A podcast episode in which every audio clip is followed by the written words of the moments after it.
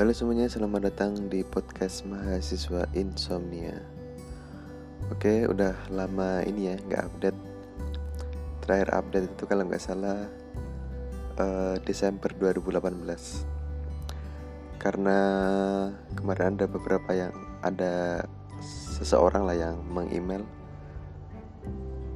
uh, berterima kasih atas harinya dan sebagainya dan minta untuk segera update podcastnya.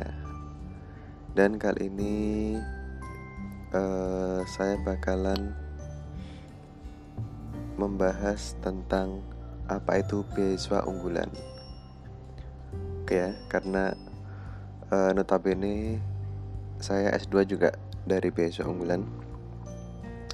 Jadi beasiswa unggulan itu adalah program beasiswa yang diberikan oleh Kemdikbud atau Kementerian Pendidikan dan Kebudayaan. Di sini itu eh, beasiswanya itu untuk ada S1, S2, dan S3. Lah bedanya sama LPDP itu, itu itu ini. Kalau LPDP itu kan cuma beasiswa S2 sama S3. Tapi kalau beasiswa unggulan itu juga ada untuk anak S1 dan juga untuk beasiswa unggulan di sini itu terbagi atas tiga ya. Jadi ada beasiswa masyarakat ber berprestasi terus beasiswa 3T dan beasiswa pegawai Kemendikbud kalau beasiswa pegawai Kemendikbud pasti udah tahu ya. Jadi eh, para pegawai Kemendikbud ini diberikan kesempatan untuk studi lanjut dan otomatis ya syaratnya dia statusnya sebagai pegawai Kemendikbud. Terus yang kedua tadi adalah uh, beasiswa 3T yaitu tertinggal, terdepan dan terluar. Jadi uh, teman-teman kalau dari dari apa namanya? berasal dari daerah 3T, teman-teman berkesempatan untuk mengikuti atau berkesempatan untuk bisa mendaftar beasiswa unggulan ini. Terus yang terakhir yaitu adalah beasiswa unggulan untuk masyarakat berprestasi. Nah, di sini saya uh, apply-nya yang beasiswa unggulan masyarakat berprestasi. Jadi saya dulu ikutnya yang batch 2 yang gelombang kedua tahun 2016. Dulu katanya uh, 2015-an kalau nggak salah atau periode sebelum saya itu ada khusus uh, pegiat sosial dan pegiat seni kalau nggak salah. Tapi di mulai periode saya itu nggak ada udah nggak ada. Jadi tinggal tiga itu. Dan di sini saya akan lebih fokus untuk membahas terkait yang besok unggulan masyarakat ber ber berprestasi ya jadi sebenarnya beasiswa unggulan ini uh, ada program prioritas nawacitanya jadi Kemendikbud itu punya list beberapa uh, bidang keilmuan yang yang diprioritaskan seperti itu. Kalau teman-teman misalkan uh, mau apply program studi yang mana masuk dalam bidang keilmuan yang yang ada di list prioritas nawacitanya Kemdikbud itu peluangnya lebih tinggi. Oke, jadi di sini saya e, mencatat ada 18 bidang keilmuan yang masuk dalam list program prioritas nawacita. Di sini Pertama ada pendidikan yaitu pendidikan PAUD sama pendidikan PGSD. Terus yang kedua kurikulum dan pedagogi pedagogi. Terus yang ketiga manajemen dan kebijakan pendidikan. Keempat perfilman. Lima seni pertunjukan, enam seni musik, tujuh kebudayaan, delapan perpustakaan, sembilan arkeologi, sepuluh teknologi informasi, sebelas kebijakan publik, 12 pariwisata, 13 industri kreatif, 14 teknologi pangan, 15 MIPA, 16 maritim, 17 pertanian dan 18 adalah energi. Karena saya jurusannya kimia, berarti saya masuk ke salah satu bidang keilmuan ini yaitu di nomor 15 yaitu MIPA. Untuk persyaratannya sendiri dan beberapa kelengkapan berkasnya di sini adalah uh, untuk S1. S1 di sini tuh jadi gini. Uh, bedanya lagi sama LPDP, beasiswa unggulan itu ada ada dua, ada dua macam. Selain untuk pembagian ya, kalau pembagian beasiswanya itu apa aja itu ada tiga tadi kan ada yang masa untuk masyarakat ber, ber, berprestasi untuk yang daerah 3T terus pegawai Kemdikbud. Lah untuk dari ketiga itu itu juga dibagi dua lagi. Jadi untuk mahasiswa baru sama mahasiswa ongoing. Jadi yang udah udah kuliah udah mulai kuliah itu juga bisa apply. Tapi biasanya itu eh masih masih di tahun pertama. Meskipun udah kuliah tapi kalau nggak salah sarannya harus kalau S2 ini ya. Jadi masih masuk semester maksimal semester 3 itu masih bisa daftar. Kalau udah semester 4 itu udah nggak boleh untuk yang S, S2 ya itu ya. Jadi untuk ini ya tak tak tak bacain untuk kelengkapan untuk S1 itu maksimal usianya adalah 22 terus memiliki surat keterangan lulus di perguruan tinggi yang minimal terakreditasi B. Terus yang ketiga memiliki prestasi minimal tingkat kabupaten yang diselenggarakan oleh pemerintah dan atau masyarakat. Dan dibuktikan dengan sertifikat yang berlaku maksimal 3 tahun terakhir. Terus yang keempat adalah peraih juara juara peringkat lima besar.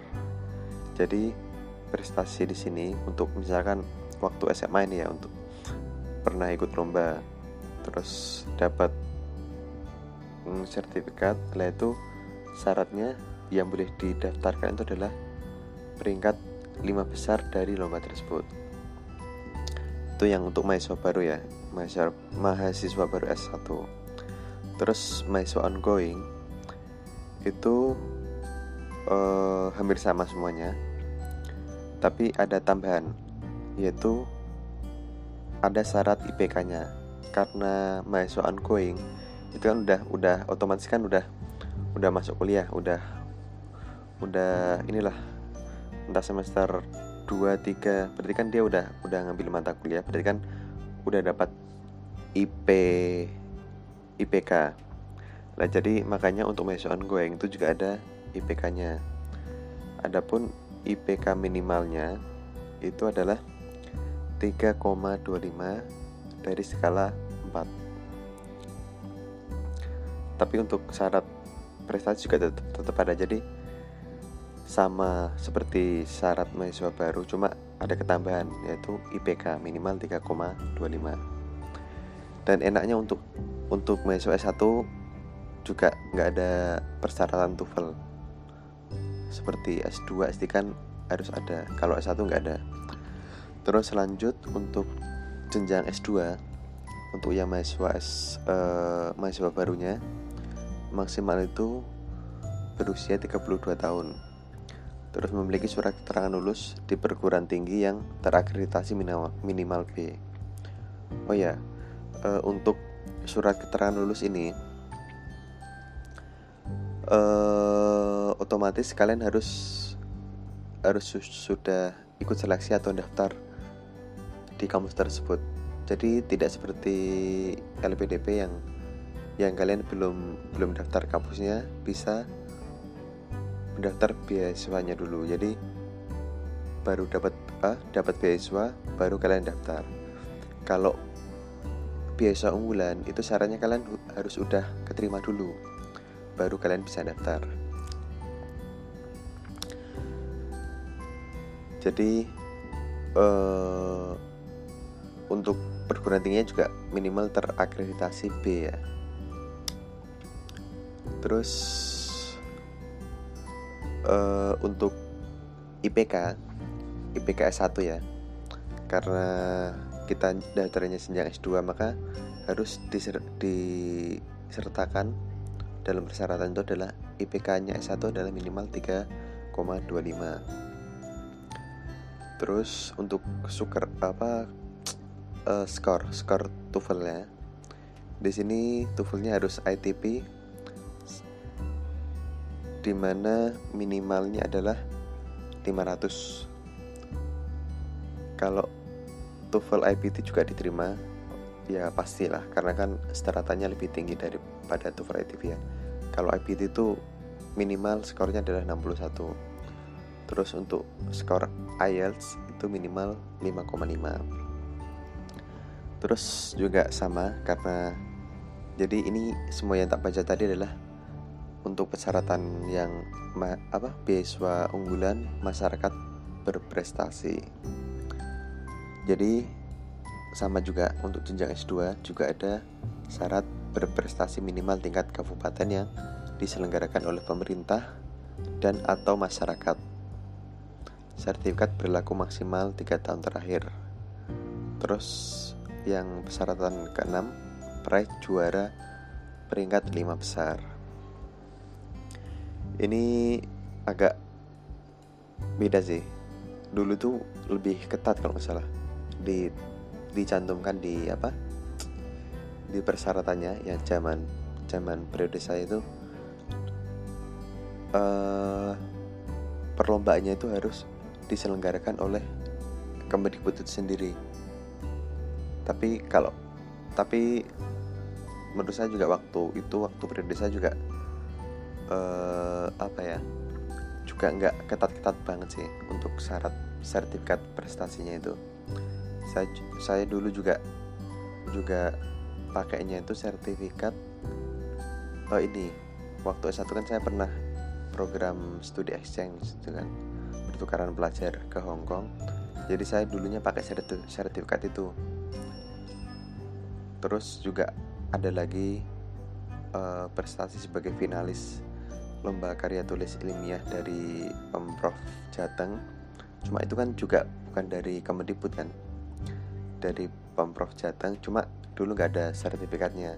Ya udah jadi saya nyerahinnya sertifikat uh, pertukaran pelajar ke Hongkong itu selama satu bulan.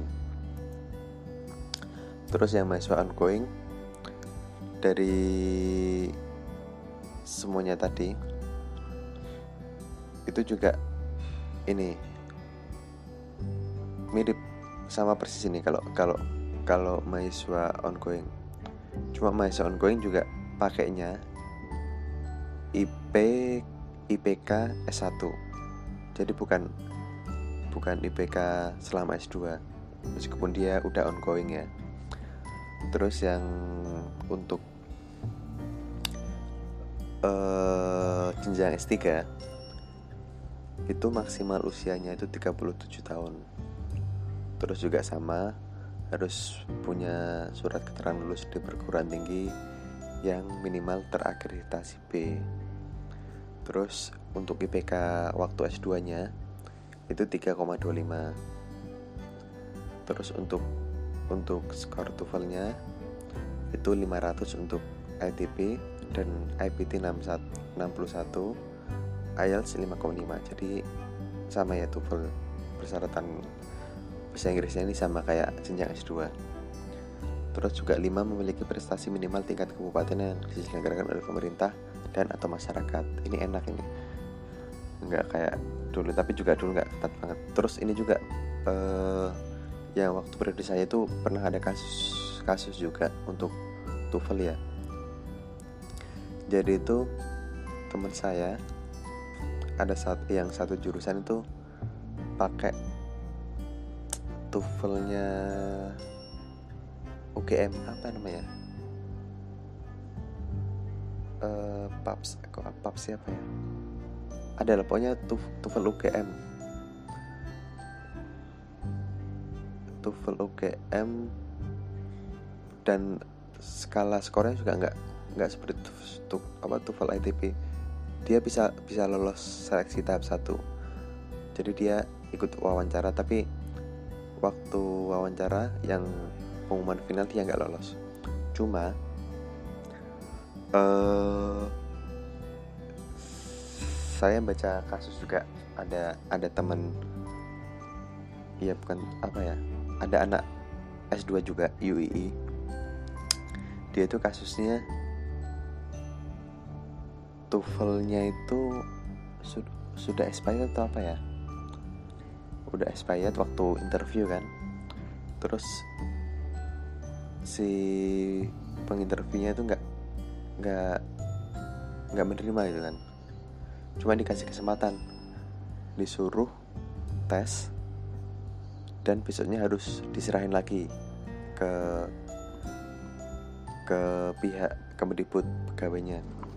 Kebetulan dia juga waktu itu kan waktu itu uh, zaman saya itu interviewnya ada dua hari nah kebetulan mbaknya itu di hari yang pertama. Jadi hari kedua dia nyerahin uh, sertifikat TOEFL-nya lah tapi kan kalau misalkan kita tes TOEFL ITP itu kan nggak mungkin satu hari setelahnya jadi kan. Nah itu dia pakai TOEFL yang lembaga bahasa Inggris yang biasa itu. Terus juga dia akhirnya keterima juga. Ya mungkin kalau diterapkan yang sekarang yang tahun 2019 mungkin sudah nggak bisa ya. Mungkin lebih ketat lagi persyaratannya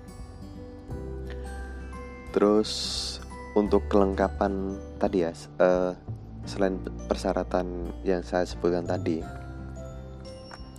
itu ada kelengkapan berkasnya. Yang pertama ada KTP terus KTM bagi yang ongoing terus ada surat tadi surat keterangan diterima apa? Surat keterangan lulus di perguruan tinggi. Terus kartu hasil studi atau list apa? Daftar nilai atau IPK selama kuliah bagi yang ongoing khusus, ongoing. Terus ijazah dan transkrip nilai terakhir.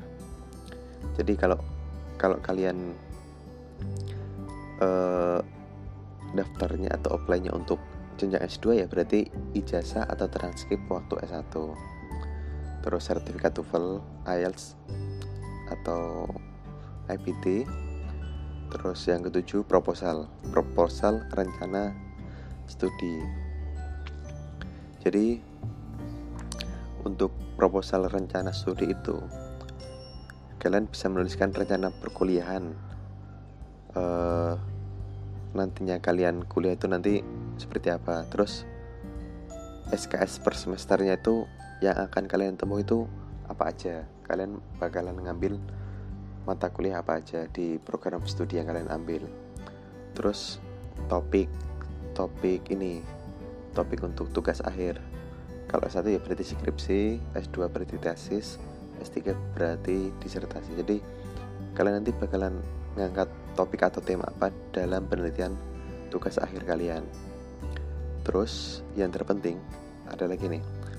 Jadi di rencana proposal rencana studi itu nggak cuma tentang rencana studi perkuliahan terus topik penelitian tapi juga kalian perlu mendeskripsikan aktivitas kalian di luar di luar perkuliahan.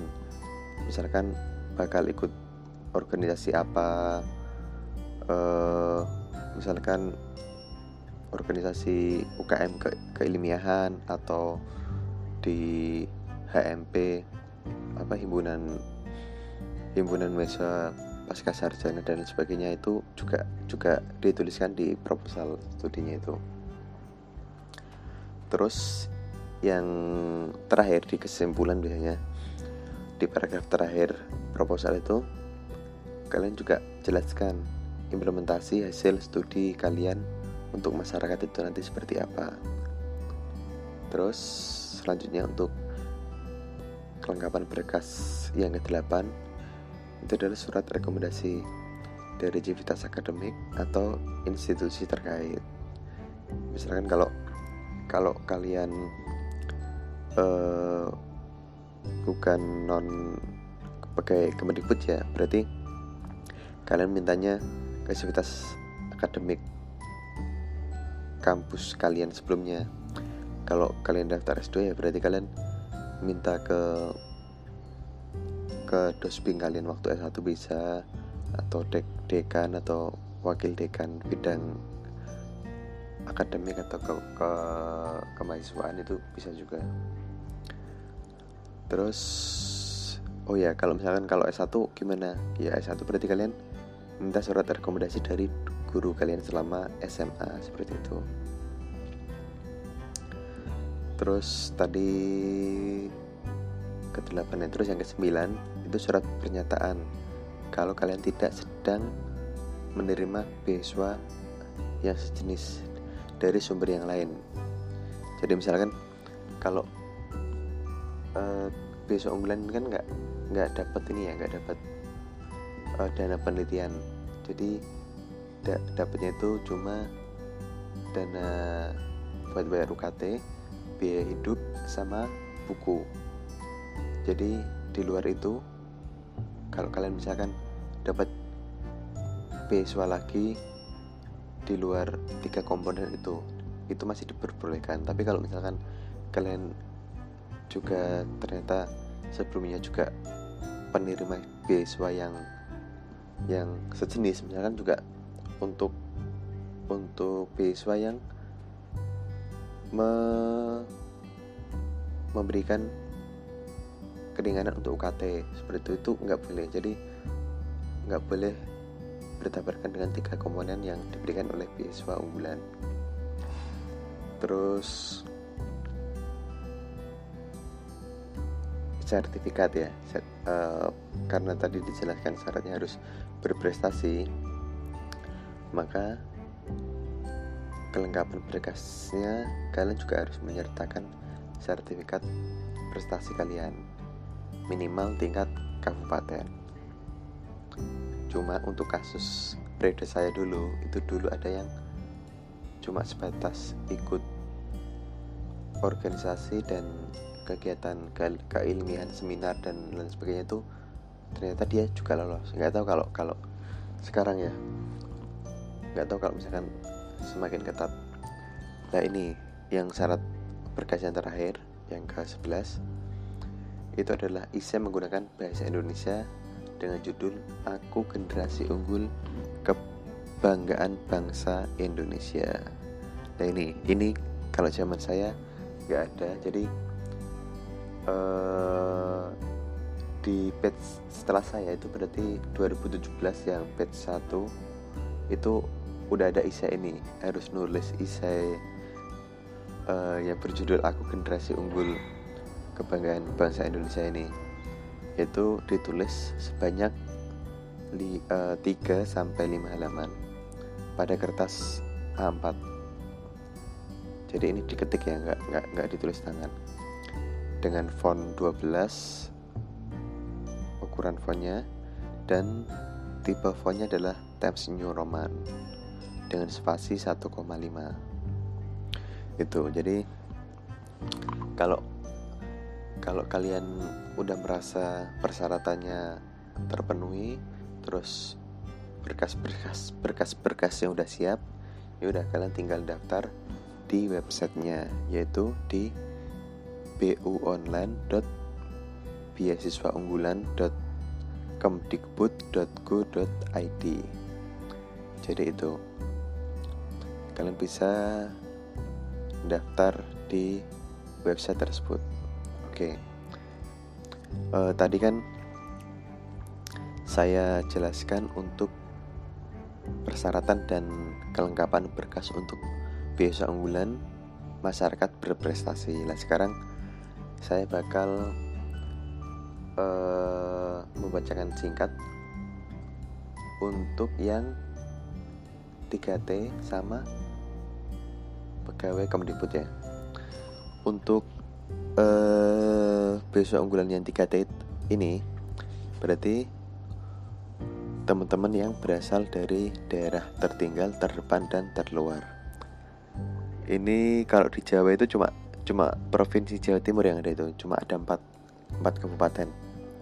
Kalau nggak salah Bondowoso, terus Bangkalan, Sampang, sama apa ya saya lupa. Nanti kalian bisa cek aja di situs uh, Beasiswa Unggulan itu nanti di, dijelasin kok ada listnya kabupaten mana saja yang masuk ke dalam daftar 3T ini. Untuk untuk persyaratan dan dan kelengkapan berkasnya hampir sama. Hampir sama dengan yang masyarakat berprestasi. Misalkan seperti program prioritas nawacitanya nih juga harus dari 18 bidang keilmuan yang ditawarkan uh, Kemendikbud. Tapi kalau misalkan kalian apply program program studinya di luar 18 bidang keilmuan ini ya tetap nggak apa-apa bisa daftar aja. Tapi kan memang yang diprioritaskan itu di 18 bidang keilmuan ini. Tapi kalau kalian uh, mengambilnya di di lain 8 18 bidang ini ya kalian apply saja kalau mungkin kalian dipandang layak ya kemungkinan besar juga bakalan diterima juga. Oke ya. Untuk yang 3T itu hampir sama semua. Cuma bedanya untuk syarat IPK-nya itu lebih lebih mudah. Jadi kalau kalian dari daerah 3T ini untuk S1 ya, untuk apply untuk jenjang S1, IPK-nya uh, ini maaf. IPK untuk yang ongoing ya bukan yang mahasiswa baru ya. Itu adalah tiga kalau yang mahasiswa apa masyarakat berprestasi kan minimal 3,5 3,25 kalau yang dari 3T itu minimal cuma 3 terus cuma uh, ini kalian juga juga tetap disyaratkan memiliki prestasi seperti yang disyaratkan di beasiswa unggulan masyarakat berprestasi. Jadi bedanya cuma di syarat syarat apa namanya syarat IPK-nya aja yang yang direndahkan. Untuk TOEFL juga sama minimal 500 baik untuk yang S2 sama S3 ya itu juga minimal 500 terus IPT juga 61 IELTS-nya juga minimal 5,5 jadi salah satunya itu entah ITP, IPT, IELTS terserah kalian mau pakai yang mana. Dan juga untuk S2 juga IPK-nya di di standarnya di mini, apa syaratnya minim minimal cuma tiga. Untuk ijazah S1-nya untuk jenjang S3 sama ijazah S2-nya minimal IPK-nya cuma tiga udah boleh mendaftar. Uh, itu aja sih selebihnya itu sama persis. Cuma dibedakan di IPK yang lebih rendah. Oke, sekarang untuk untuk pegawai Kemdikbud ini nggak ada jenjang S1 ya karena kan otomatis orang-orang yang kerja di Kemdikbud kan biasanya kan udah lulus S1 terus kerja di kementerian. Lah di sini enaknya kalian kalau misalkan sebagai pegawai Kemdikbud enaknya ini. Syaratnya itu ringan banget. Jadi nggak ada syarat kalian harus berprestasi. Terus IPK-nya juga cukup tiga untuk yang ini ya. Untuk yang apa? Eh, S2 sama S3 jadi kalau S2 juga IPK S1 nya minimal 3 terus misalkan jenjang oh ya ini untuk jenjang S3 itu IPK S2 nya juga minimal 3,25 jadi sama kayak yang ini ya masyarakat berprestasi cuma bedanya ini enaknya dia nggak ada sertifikat prestasi atau juara itu enaknya sih cuma syarat IPK untuk S3 nya oh untuk daftar jenjang S3 syarat ijazah IPK S2 minimal 325 sama. Cuma yang S2 ini yang yang beda. Jadi kalau kalian daftar jenjang S2 untuk kalian pegawai Kemdikbud IPK S1 minimal cuma 3 dan dan satu lagi nih yang bikin bikin bikin ngiri sih. Itu adalah tuvelnya syarat tuvelnya itu cuma minimal 450 terus kalau misalkan pakainya IPT itu cuma 45 kalau pakainya IELTS itu cuma 5 itu udah udah bisa bisa bisa apply beasiswa ini terus ketentuannya sih yang pertama mempunyai sasaran kerja pegawai atau SKP minimal satu tahun terakhir sekurang-kurangnya bernilai baik. Terus yang kedua tidak sedang menjalani cuti di luar tanggungan negara, melaksanakan tugas secara penuh di luar instansi induknya, terus menjalani hukuman karena melakukan tindak pidana kejahatan, terus tidak sedang mengajukan keberatan ke, ke badan pertimbangan pegawaian terus tidak sedang dalam upaya hukum atau gugatan ke pengadilan terkait dengan penjatuhan hukuman disiplin. Terus selanjutnya dalam proses penjatuhan hukuman disiplin tingkat sedang ataupun berat dan lain sebagainya. Mungkin bisa dibaca ya baca sendiri dicek aja di persyaratannya. Takutnya nanti juga berubah untuk persyaratan ketentuan yang menyesuaikan di ini. Terus juga tidak pernah gagal dalam tugas belajar yang disebabkan oleh kelalaiannya. Untuk kelengkapannya berkasnya uh, bersama kecuali tadi ya sertifikat berprestasi.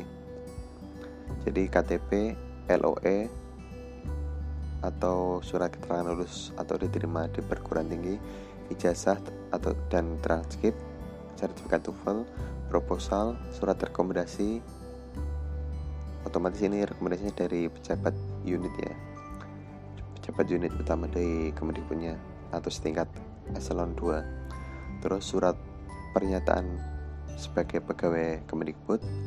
Terus 8 surat keterangan sehat dan 9 adalah SKP yaitu tadi uh, sasaran kerja pegawai. Jadi kalian selama kerja di Kemdikbud itu nilainya gimana? Baik apa tidak? Seperti itu. Terus apa lagi ya? Yang membedakan periode yang sekarang sama periode saya dulu uh, oh ya ini juga. Zaman saya itu masih ada program beasiswa unggulan untuk di luar negeri. Cuma periode setelah saya berarti uh, batch 1 2017 itu luar negerinya itu udah dihapuskan hanya beasiswa unggulan yang pegawai Kemdikbud saja yang bisa apply untuk yang luar negeri. Oh iya, ketinggalan juga. Jadi untuk TOEFL-nya, untuk yang untuk yang beasiswa unggulan pegawai Kemdikbud itu juga beda kalau misalkan kalian apply-nya dalam negeri sama luar negeri itu beda. Kalau tadi kan kalau dalam negeri kan cuma antara 450 ya. Kalau luar negeri itu TOEFL-nya minimal adalah 550. Adapun IPT-nya 79 dan IELTS-nya 6,5. Uh, mungkin itu aja ya atau ada lagi ya mungkin itu aja kalau mungkin kalian mau tanya-tanya bisa kontak saya di bisa cek saya bisa cek di blog saya itu ada tertulis kontaknya di sana. Uh, atau mungkin kalian bisa juga baca-baca di blog saya terkait beasiswa unggulan uh, terkait pengalaman saya apply beasiswa unggulan dulu seperti apa bisa cek aja di blog. Dan juga kalau tanya-tanya bisa komen aja di sana nggak apa-apa. Oke gitu aja. Semoga bermanfaat bisa kirimkan kritik dan saran kalau ada kekurangannya selama podcast ini. Sekian ya, terima kasih. Sampai jumpa di episode selanjutnya.